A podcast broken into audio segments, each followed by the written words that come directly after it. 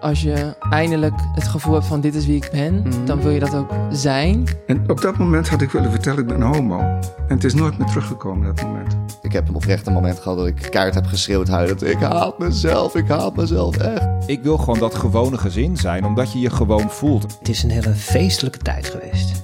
Tot aids kwam natuurlijk. Ik merk ook dat mensen respect hebben voor het fe- het feit dat ik dan open ben of mezelf kwetsbaar opstel. Drag betekent alles voor mij. Drag is wie ik ben, wie ik ben geworden. Drag heeft me heel veel kracht gegeven. de wereld beweegt. Maar als jij niet mee beweegt, dan val je zelf een keer door de mand. Daarnaast verdedig je toch als ouder zijn je kinderen ook. Ja, hun kind gaat voor alles. Maar Nou ja, als ik geen homovriend zou hebben, dan zou ik sowieso geen vrienden hebben. Haast geen vrienden hebben.